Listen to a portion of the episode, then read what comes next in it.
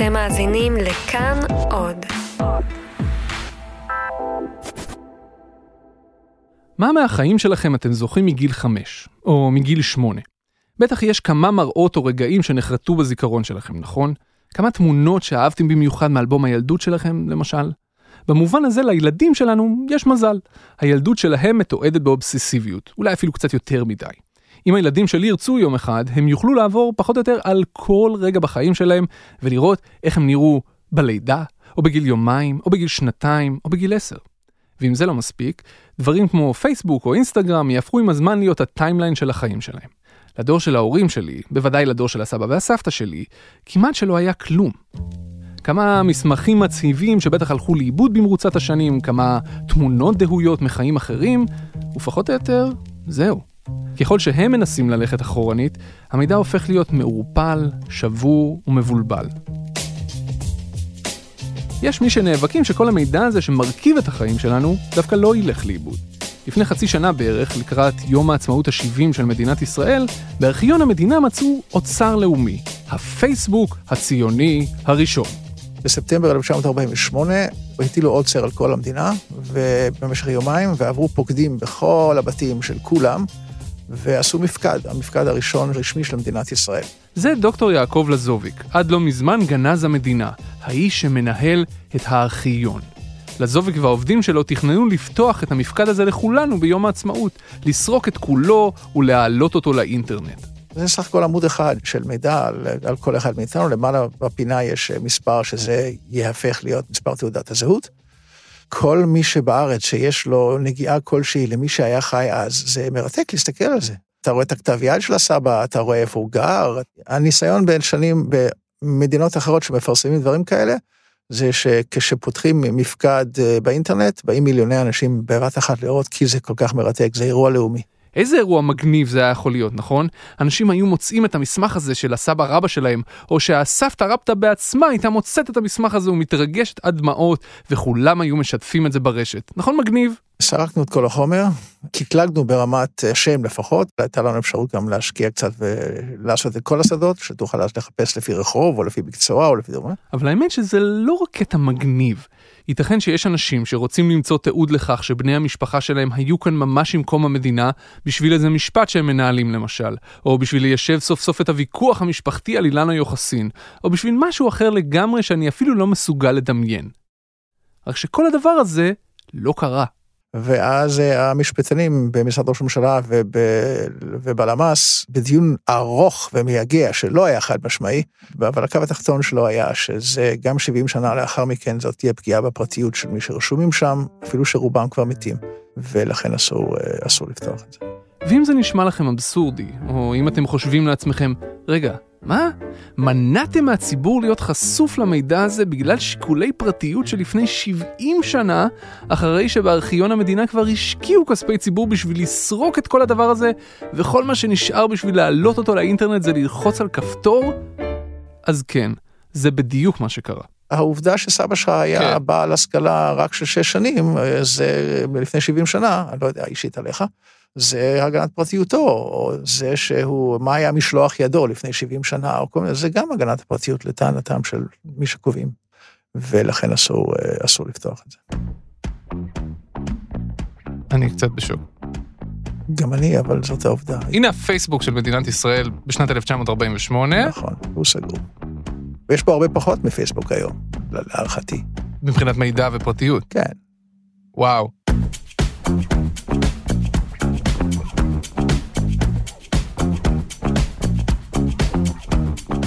היי, אתם מאזינים לחיות כיס, הפודקאסט הכלכלי של תאגיד השידור הישראלי. אני שאול אמסטרדמסקי. הסיפור הזה הוא סיפור על בניין שנמצא על הר בירושלים, ובתוכו יש המון דברים שרלוונטיים לחיים שלכם. מסמכי אימוץ למשל, או מסמכים שקשורים למשפחה שלכם, להורים שלכם, לסבא והסבתא שלכם, מסמכים שמוכיחים בעלות על קרקע, או מסמכי תכנון היסטוריים, או מסמכים שרלוונטיים לחיים של כולנו כאן כחברה. למשל, הפרוטוקולים של ועדות החקירה שעסקו בחטיפת ילדי תימן, או המסמכים שנחשפו בסדרה "סאלח פה זה ארץ ישראל", על המדיניות הממשלתית להקמת ערי הפיתוח. קלטנו 200 אלף יהודים מצפון אפריקה. הם היו בידינו כחומר ביד היוצר. אין להם מושג מה שעשו איתם, אמר דוד בן גוריון. זה נכון, יש אפליה. זאת אפליה מוכרחת. וגם דברים מהעבר היותר קרוב, כמו למשל הפרוטוקולים של ועדת טרכטנברג. וגם כל המסמכים שמגיעים ללשכתו של ראש הממשלה, כל ראש ממשלה. לפני יום השנה האחרון לזכר אה, יצחק רבין, כתב חדשות 10 ברק רביד חשף מספר מסמכים מעניינים שנשלחו בשעתו לרבין ושהזהירו אותו מפני רצח פוליטי אפשרי. מה הדבר הכי מפתיע שאנחנו לא יודעים על הארכיון?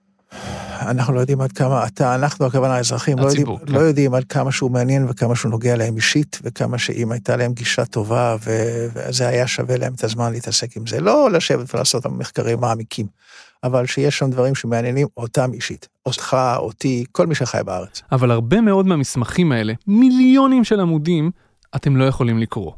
וזה לא כי אסור לכם לקרוא אותם על פי חוק. להפך, רוב המסמכים האלה אמורים להיות פתוחים לעיון הציבור על פי חוק, אבל הם לא. לא כי מישהו סגר אותם בכוונה או מנסה להסתיר אותם מאיתנו, אלא פשוט כי אף אחד לא פתח אותם אף פעם, את רובם בכל אופן, ולרוב האנשים בממשלה פשוט לא אכפת מזה. וזה, זה לא רק סיפור בסגנון יגאל אלון כזה, עם שאינו יודע את עברו, ההווה שלו דל ועתידו לוט בערפל. זה חלק מסיפור הרבה יותר גדול. סיפור על איך השירות הציבורי במדינת ישראל עובד.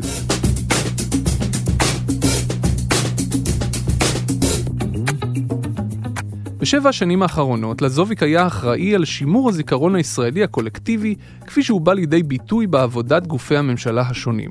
זה היה התפקיד הציבורי הראשון שלו, ואם אני צריך להמר, זה גם התפקיד הציבורי האחרון שלו. עכשיו, כשהוא כבר בחוץ, הוא מוציא החוצה את כל מה שאמר עד כה רק בחדרים סגורים.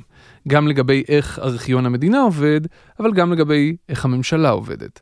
ההלם התרבותי, לא, לא יצאתי ממנו עד עצם היום הזה, לא, לא התגברתי על ההלם התרבותי של אה, איך הדברים מתנהלים בתוך הממשלה. אז ברוכים הבאים לפרק שאני באופן אישי חיכיתי לעשות אותו כבר הרבה מאוד זמן, חיות כיס נוברות בארכיון המדינה. וזה לא רק סיפור על קלסרים מעלי אבק, זה סיפור על פוליטיקה ואינטריגות ותפיסות עולם מנוגדות, וגם על מקומם של שומרי הסף בשירות המדינה, ועל מהי הדרך הנכונה לתת שירות טוב לציבור בעבור כספי המיסים שלו.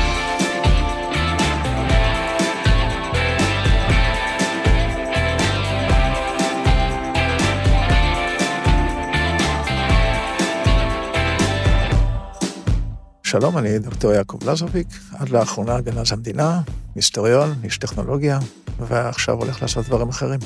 לזוביק, איך אני אגיד את זה, קצת שונה מאיך שהייתם מדמיינים לעצמכם את גנז המדינה. הוא ירושלמי גאה, הוא מגיע ממקום למקום רק ברגל, ויש לו חשבון טוויטר פעיל ועוקצני. הוא נכנס לשירות המדינה בכוונה לשנות דברים, ולא היה אכפת לו לריב עם כל העולם ואחותו בתוך הממשלה, שהוא חשב שהוא צודק והם טועים. והרבה פעמים זה בדיוק מה שהוא חשב. התפקיד העיקרי של גנז המדינה הוא לוודא שיישארו לנו די חומרים בשביל להרכיב מהם יום אחד את הזיכרון הקולקטיבי שלנו. וגם לדאוג שחומרים שכבר התיישנו מספיק, ובתקווה גם השתבחו מספיק כמו יין טוב, ייחשפו לציבור. כי אם רסיסי הזיכרון רק נשארים במגירה, הם לא יכולים להפוך לזיכרון משמעותי. מה עשית לפני שנהיית גנז המדינה?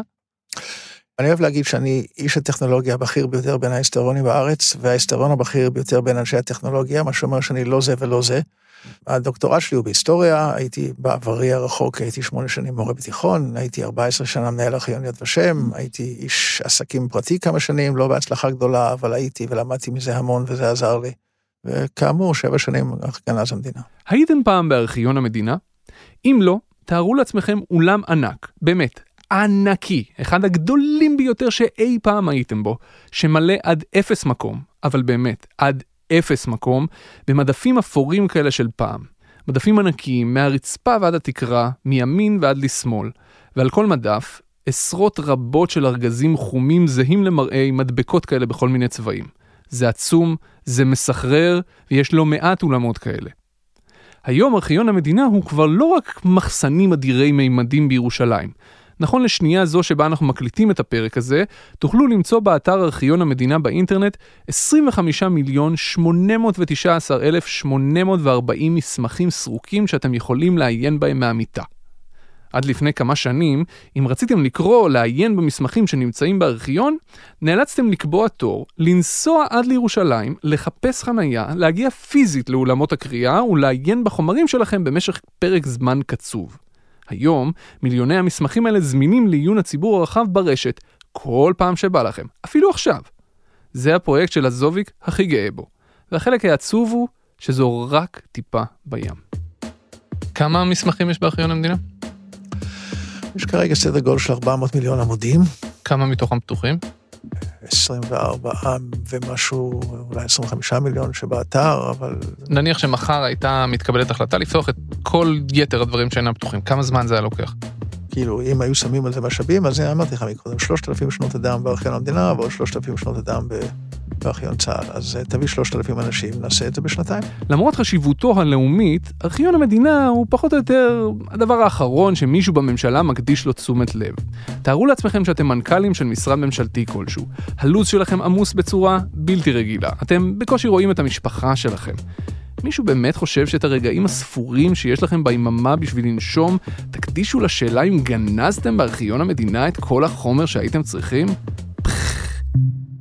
לא כל החומר שמיוצר בממשלה אמור בכלל להגיע לארכיון המדינה. אם כל מייל וכל פתק שמישהו בממשלה אי פעם כתב היו צריכים להיכלל בארכיון, באמת שלא היינו יוצאים מזה.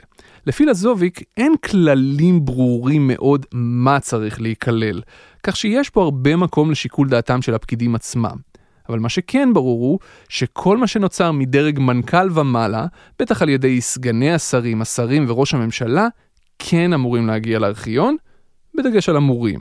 אחרי הכל, זו אחריות המשרדים להעביר את החומרים האלה. אחרי שמשהו מגיע, מה קורה איתו? מאותו רגע הוא זמין? לציבור? הלוואי, אינשאללה, מה פתאום? אז איך זה עובד? מאותו רגע, קודם כל הוא סגור. חומר רגיל שמגיע לארכיון המדינה נסגר ל-15 שנה לפני שהוא יכול להיחשף שוב לציבור. כך קבעו הממשלה והכנסת. אבל זה רק חומר רגיל.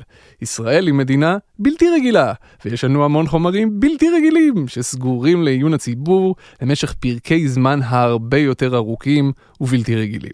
החומר הלא מסווג של משרד החוץ למשל, סגור ל-25 שנה.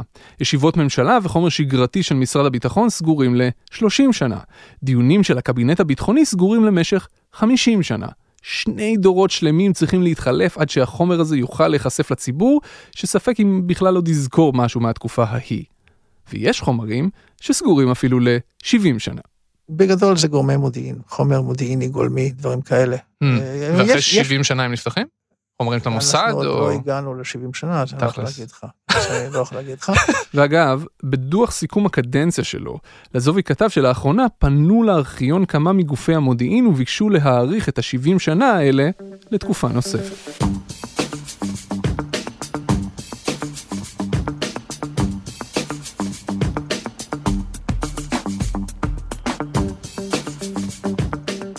כשאני אומר שחומר שמגיע לארכיון המדינה סגור לאיזו תקופה ורק בסופה נחשף לציבור, זה בטח נשמע כאילו מדובר באיזה תהליך אוטומטי כזה, נכון? כאילו כל נייר או קובץ שמגיעים לארכיון המדינה מקבלים איזה סוג של תזכורת שקופצת לבד אחרי 15 או כמה שזה לא יהיה שנים, וחושפת את החומר. אז זהו, שלא. ממש, ממש לא.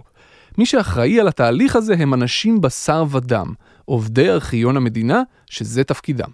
Mm, בערך. הסדר החשיפה, כפי שהוא קיים בארץ, הוא מופר בצורה מסיבית, אסטרטגית, אה, כבר עשרות שנים. ואף אחד לא מקיים אותו. פחות או יותר אף אחד לא מקיים אותו. פחות או יותר מאז שנחקק חוק הארכיונים ב-1955, אף אחד לא מילא אותו כלשונו.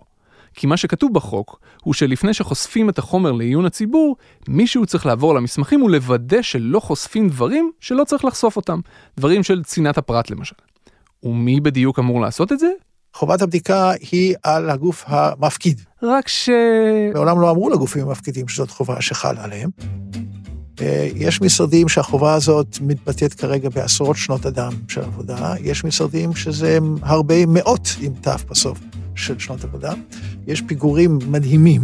לא זה- בחומר שצריך להגיע, אלא בחומר שצריך להיפתח. בחומר שכבר צריך להיפתח, אני לא מדבר על חומר שיגיע בעתיד. אני אומר, חומר שכבר לפי החוק חייב להיות פתוח, הוא סגור. הוא והוא סגור כי אף אחד לא בודק אותו, ואף אחד לא בודק אותו כי לא אמרו אף פעם לאף אחד מהמשרדים האלה שהם צריכים לבדוק את זה. במילים אחרות, בגלל שהחוק מטיל את האחריות על בדיקת החומרים לפני חשיפתם לציבור על משרדי הממשלה עצמם ולא על הארכיון, ובגלל שבמשרדי הממשלה בכלל לא מודעים לזה, ובתכלס, תראו לי את הפקיד שישב לבדוק מסמכים שנוצרו לפני 15 שנה ויותר, אם אפשר לפרסם אותם לציבור או לא, בחייאת. כך יוצא שהררים של חומר שכבר היה אמור להיחשף לציבור, עדיין לא נחשפים. בעיה.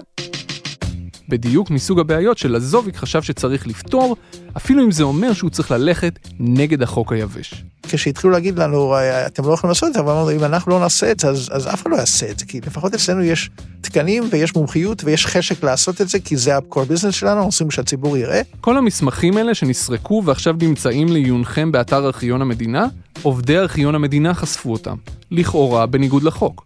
ובעיקרון, בואו, לאף אחד לא באמת אכפת, והמצב הזה היה יכול להימשך ככה. אבל בשנים של הזוביק ניהל את הארכיון, נוצרו לא מעט חיכוכים בינו לבין פקידים בכירים בארכיון עצמו. פקידים שלא אהבו את הגישה הפרואקטיבית שלו, והיועצת המשפטית של הארכיון הורתה לו לחדול לשחרר חומרים מבלי לעבור קודם דרך המשרדים עצמם. אז לזוביק עשה את מה שהוא חשב שצריך לעשות, כלומר, המשיך. אז אמרנו, הגיוני שאנחנו נמשיך לעשות את זה, אפילו שזה לא תקין, אבל האמירה של המשפטנים הייתה, לא, אתה חייב להפסיק. היה שם ויכוח שאחת הטענות שלי הייתה של להפסיק הכוונה לסגור את ארכיון המדינה. זה דבר שלא יעלה על הדעת במדינה דמוקרטית. אני, גם אחד המשפטים שאמרתי, אמרתי, זאת לא החלטה שפקידים ביניים צריכים לקבל. זה מנכ"ל המשרד יורה לי לעשות את זה, אז, אז לא תהיה לי ברירה. לכן כשבפעם הראשונה אמרו לי תפסיק, אני אמרתי בכתב, לא הסתרתי, אמרתי אני לא מפסיק עכשיו, אני ממתין עד שיהיה דיון יותר נורמלי מאשר המיילים שרצים פה. ביוני 2017 הדיון הזה עבר לפסים רשמיים יותר, כשהמשנה ליועץ המשפטי לממשלה שיגר מכתב ללזוביק, ובו הודיע לו כי עליו לחדול מלקחת את החוק לידיים ולקבוע עובדות בשטח, ולתת למשרדי הממשלה לעבור על המסמכים לפני שהם נחשפים לציבור. בכל זאת, חוק זה חוק.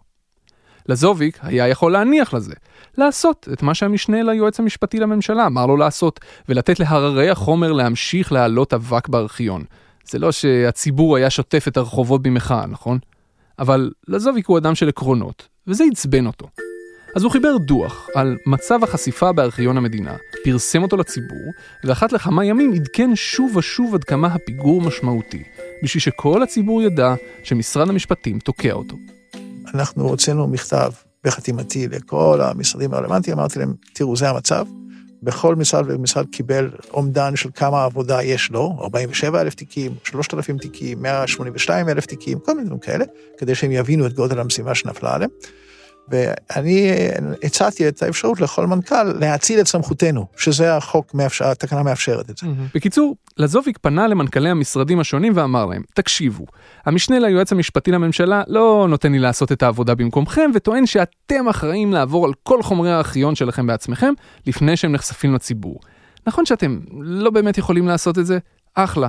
אז אני מציע לכם שאני אעשה את זה בשבילכם, רק תחתמו לי כאן וכאן וכאן. ובתהליך שנמשך, אני יודע מה, חודשיים, כי זה בכל אופן בירוקרטיה, אבל בסופו של דבר רוב המשרדים זה באמת מה שהם עשו. הם אמרו, אתם, אנחנו לא רוצים להתעסק עם זה, תתעסקו עם זה אתם. יש מספר קטן מאוד של משרדים שאמרו, אנחנו נתעסק עם זה, ויש מספר מביך של משרדים שפשוט מתעלמים. והחומר שלהם פשוט לא נפתח? נכון, אין שום דרך לפתוח את החומר שלהם, ואתה תשאל אותי, אני מקווה מי הם. איזה משרדים? מבקר המדינה, משטרת ישראל, ומשרד המשפטים. במשרד המשפטים מסרו בתגובה כי הם מינו לתפקיד לאחרונה ממונה על העמדת ידע לציבור במשרה מלאה. במשרד מבקר המדינה מסרו כי בימים אלה הם מגבשים נוהל לטיפול בחשיפה ומקצים כוח אדם לנושא זה. ממשטרת ישראל נמסר כי המשטרה מפקידה חומרים ותיקים ישנים ולא פעילים בארכיון מדינת ישראל, בהתאם להוראות חוק הארכיונים.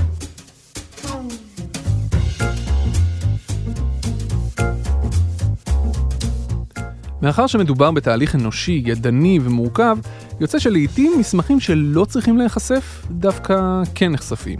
כתב ידיעות אחרונות בשעתו, גיא ליברמן, היום עובד בגלובס, חשף בסדרת כתבות מסמכים שארכיון המדינה חשף, שהיו בהם פרטים שאמורים היו להישאר דווקא חסויים. שמות אנשי שב"כ למשל, או פרטים אישיים של ילדים ממשפחות ארוסות, או של עולים שעברו ברית מילה בגיל מאוחר. אין שום דרך לעבור על אה, מיליוני עמודי תיעוד מבלי לעשות טעויות. אני אישית בדקתי תיק, תיק, תיק, תיק, תיק, תיק, מצאתי שחלק מהטעויות בוצעו על ידי ותיקים מאוד ומנוסים, וחלק נעשו על ידי סטודנטים, וחלק נעשו, דרך אגב, גם מצאו עליי שגם אני עשיתי טעות פעם איזה, חשפתי משהו שלא הייתי צריך לפתח, גם אני חושב שלא הייתי צריך, אבל לא שמתי לב. אז זאת, זאת התשובה הראשונה, זה בלתי נמנע. זה מחיר שחברה דמוקרטית צריכה להחליט, היא רוצה שהחומר הזה יהיה פתוח, אז יהיו טעויות, היא רוצה שיהיו אפס טעויות, אז הארכיון יישאר סגור. בדוח הסיכום של כהונתו, לזוביק מספר על חומרי ארכיון מרגשים, ממש נוגעים ללב, כאלה שאין בהם שום רגישות ביטחונית, שהיועצים המשפטיים אסרו לפרסם מסיבות של הגנת הפרטיות או זכויות יוצרים. הוא מספר למשל על יוזמה של עובדי ארכיון ליום הזיכרון, לפרסם התכתבויות בין משפחות שכולות לבין ראשי ממשלות ונשיאים לאורך השנים. פרויקט שיראה את השינוי באופי ההתכתבויות האלה, גם בפניות של ההורים השכולים וגם בתשובות של ראשי המדינה עצמם. בארצות הברית, מכתבי הניחומים של הנשיא לינקולן למשל למשפחות שכולות הפכו לחלק מהזיכרון הקולקטיבי. אבל כאן אצלנו נטען שחשיפת שמות ההורים השכולים תפגע בפרטיותם, והפרסום הוסר. במקרה אחר, רצו בארכיון להעלות לאתר את העיזבון של הנשיא יצחק נבון. תוך כדי העבודה הסתבר שאזרחים נהגו לשלוח לנבון שירים וחיבורים שהם כתבו. היועצים המשפטיים דאגו שמא אחד מהם יאתר באינטרנט שיר שכתב ויתבע את הארכיון על הפרת זכויות יוצרים. אז הם המליצו לא להעלות את החומרים. האם בכל מדינות המערב זה עובד ככה? ובכן, לא ממש. במדינות מאוד מכובדות ודמוקרטיות, שאנחנו בנושאי ארכיון, ולא רק בנושאי ארכיון, היינו שמחים להידמות אליהם. אז קודם כל, העניין הזה של לבדוק כל דבר ודבר הוא לא קיים. כן, אני לא מזמן הייתי בדיון משותף עם המקביל האמריקאי שלי, הגנז האמריקאי, שיש לו תפקיד קצת יותר גדול משלי, כי מטבע העניין, ושאלתי אותו פוינט בלנק, כדי שאני אדע, לא, לא מסביב, וישב שם ציבור, זה היה פאנל ציבורי כזה. אמרתי לו, מעבר לחומר המסווג, את החומר הלא מסווג, בודקים אצלכם? הוא אמר לי, לא. אז למה זה ככה אצלנו? למה בישראל חשיפת חומרי ארכיון לציבור מלווה בכל זאת בתהליך של צנזורה, למרות שחלפו הרבה מאוד שנים?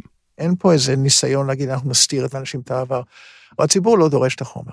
והדוגמה הטובה ביותר שיש זה ילדי תימן. כאשר חבורה של פעילים עקשנים החליטו לפני שנים ספורות שלא מעניין אותם כלום, הם את החומר הזה יגרמו שהוא ייפתח, אז ראה זה פלא, הממשלה התיישרה, המשפטנים התיישרו, אנחנו התיישרנו. כשהפקיד יושב מול המקרה הקונקרטי, והוא אומר, האם אני אחטוף על זה שאני אפתח, או אני אחטוף על זה שאני לא פותח, אז הוא לא יחטוף על זה שהוא לא פותח, אז הוא לא פותח. אני חושב בסופו של דבר שזה זה. אין דרישה לחומר.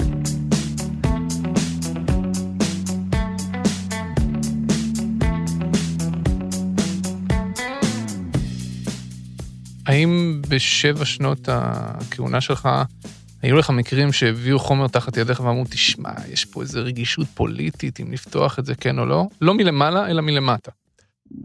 לא, לא בצורה הזאת. לא שיקולים פוליטיים טהוריים שאתה מזהה אותם, של אה, ליכוד של ימין מול שמאל או דברים כאלה, זה לא. בהחלט זה קורה מפעם לפעם, בטענה שהיא במהותה פוליטית, אבל לא מפלגתית, של אה, עדיף שהדברים האלה לא יוודאו. זה כן, היו לי הרבה ויכוחים על, אה, על דברים כאלה, בהחלט. ואז מה? אז אני הפסדתי ב-99% מהמקרים. לדעת לזוביק, מי שצריכים לקבל החלטות קריטיות של מדיניות הם נבחרי הציבור, הפוליטיקאים. פקידים כמוהו יכולים לנסות לשכנע את הפוליטיקאים שמדיניות מסוימת היא יותר טובה ממדיניות אחרת, אבל ההחלטה שמורה להם. למשל, החוק קובע שאם הגיעה כבר התקופה לפתוח חומרים מסוימים, אבל עדיין עלולה להיות רגישות כלשהי בפתיחה שלהם לציבור, הדרג הפוליטי הוא זה שצריך להחליט. יש אנשים, אני ביניהם למשל, שזה נשמע להם איום ונורא שהפוליטיקאים יקבלו החלטות כאלה. לזוביק חושב את ההפך. היה לא מזמן כתבה בהארץ של עופר אדרת וליד זה של אדם רז, על אה, מה שנקרא תיק ריפטים, שזה תיק שנוצר בכלל לפני קום המדינה, בפברואר 1948, אה, ועסק בתקלות חמורות יותר ופחות על ידי אנשי ההגנה, עוד לפני שיש מדינה, ובן גוריון זה הדאיג אותו, הוא שמע שמועות שקורים כל מיני דברים לא בסדר. הוא קרא לריפטין הזה ואמר לו, יעקב ריפטין אמר לו, לך תבדוק, וריפטין הלך ובדק ומסר לו דוח, ואמר לו, אכן, כל, כל השמועות שאתה שמעת, כל המקרים קרו, חלקם היו חמורים, היה שם מקרי רצח שלא היו צריכים לקרות, יותר מהם היו מקרי מעילה וביזה, אבל על כל פנים, כשהדבר הזה הגיע לשולחני, אני סברתי שצריך היה לפתוח את התיק הזה ב-1948, כי הוא מעמיד באור מאוד חיובי במדינת ישראל, עוד אין מדינה, וכבר בן גוריון מנסה לשמור על טוהר הנשק. אה, היה דיון, אה, הגיע עד לוועדת שרים, ושם אה, דעתי, עמדתי פורסמה ברבים וצוטטה באותה כתבה, אני חשבתי שצריך לפתוח את החומר הזה. חלק מהשיקולים של להשאיר את זה סגורים, היו שיקולים שאנחנו יכולים מאז לבדוק אותם. חלק מהנרצחים היו פולנים, אז היה חשש לפגיעה ביחסי החוץ עם פולין. וחלק מהדברים היו לא, לא פולנים, והיה חשש שזה יעשה רע למדינת ישראל אם זה יתפרסם. אז לך תבדוק, האם נגרם נזק ליחסינו עם פולין? האם נגרם נזק למדינה? זאת אומרת, אני חושב שהתשובה היא לא.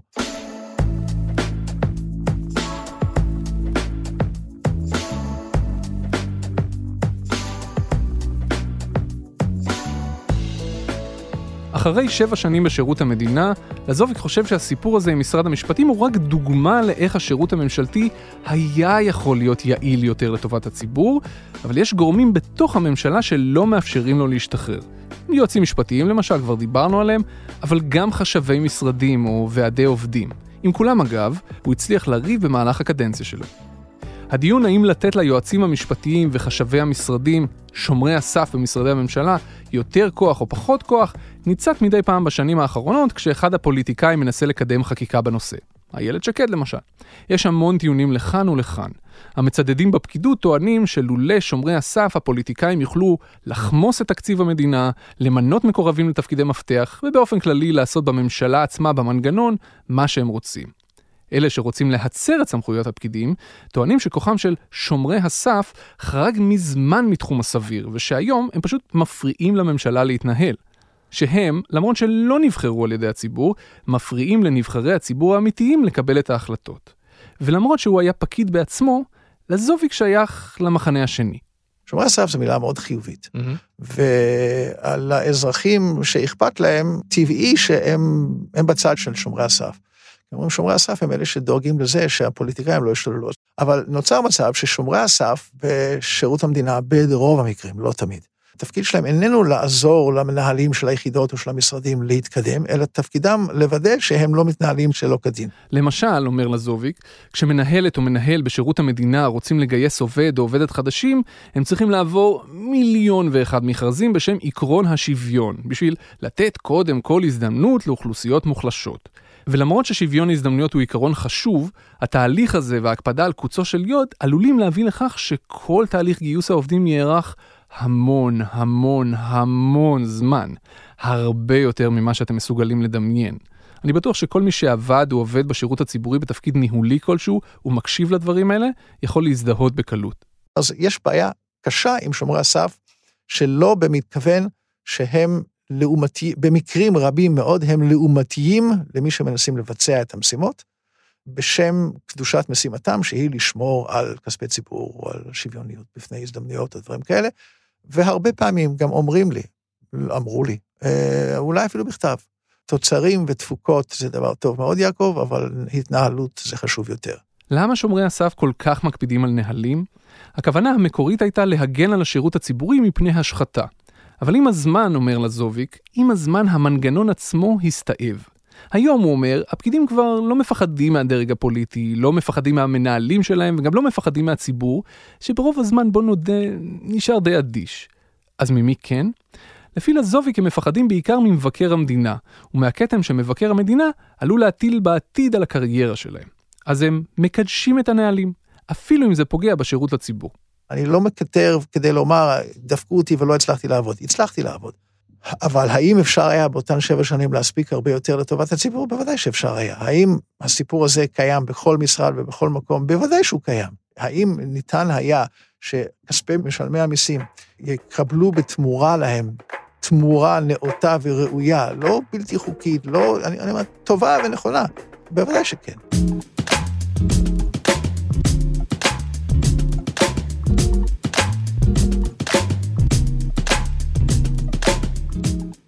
מאזינים לנו לא מעט אנשים צעירים.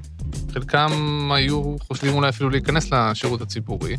מה שאתה אומר נשמע אה, די מייאש, אה, שזה לגיטימי לגמרי, אבל יש אולי בכל זאת איזשהו משהו אופטימי שאתה חושב שהיה אפשר לשנות מבפנים, עם דם חדש, לא יודע. אני, אני לא יודע, קודם כל צריך, צריך לומר לאותם אנשים צעירים שחושבים להיכנס לשירות המדינה, יש בזה משהו, אה, יש בזה משהו משקר עם כף גם לטוב וגם לרע, כי אתה באמת נמצא במקום שלמעשיך יכולה להיות השפעה. אז אה, זה דווקא סיבה טובה כן ללכת לשם. אני חושב שלו הייתה יותר רוטציה, זה היה הרבה יותר טוב, ואני לא יודע איך מייצרים אותה. שעובדי המדינה, שהוותיקים שם הם יותר ויותר חיים בבועה, אבל לא מבינים עד כמה שמצבם שונה מאשר של שאר האזרחים. ולא מבינים עד כמה מעשיהם יכולים להשפיע גם לרעה ולא רק לטובה. והאזרחים בחוץ לא מבינים את המנטליות של עובדי המדינה במקרים רבים.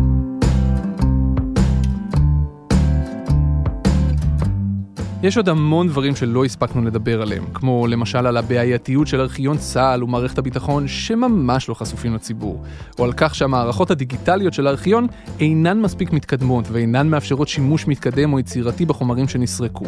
אבל מילא שאנחנו לא הספקנו לדבר על זה, מי שיקרא את דוח סיכום הקדנציה של הגנז לשעבר לזוביק, ושמנו לינק לדוח הזה באתר, יבין בייאוש שגם בממשלה אף אחד לא ממש רוצה לדבר על זה. מי יודע, אולי הם יגיעו לזה בעוד 15 שנים.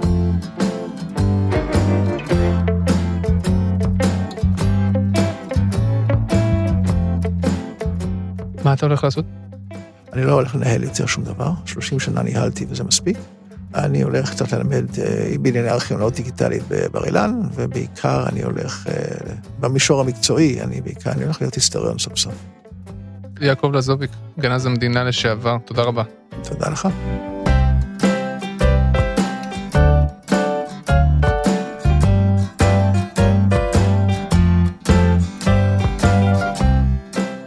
אתם האזנתם לחיות כיס, הפודקאסט הכלכלי של תאגיד השידור. ערכו את הפרק הזה צליל אברהם ורום אטיק, שגם מפיק את כל הפרקים של חיות כיס. על הסאונד, כמו תמיד, אסף רפפורט. כל הפרקים של חיות כיס זמינים להאזנה באפליקציות הפודקאסטים השונות, כולל בספוטיפיי. אמריקה! אם אתם אוהבים להאזין לחיות כיס, עזרו לנו להשתלט על העולם. תחליטו מה הפרק האהוב עליכם ושילחו אותו בוואטסאפ, במייל או בכל דרך שהיא לחברה או לחבר. הדוח של גנז המדינה לשעבר דוקטור יעקב לזוביק על מצב ארכיון המדינה ועל האתגרים שהארכיון עומד בפניהם נמצאים בלינקים ששמנו בעמוד של הפודקאסט, אתם מוזמנים לחפור בהם עד תום, ובכלל, באתר הארכיון. אני שאול אמסטרדמסקי, תודה רבה שהאזנתם.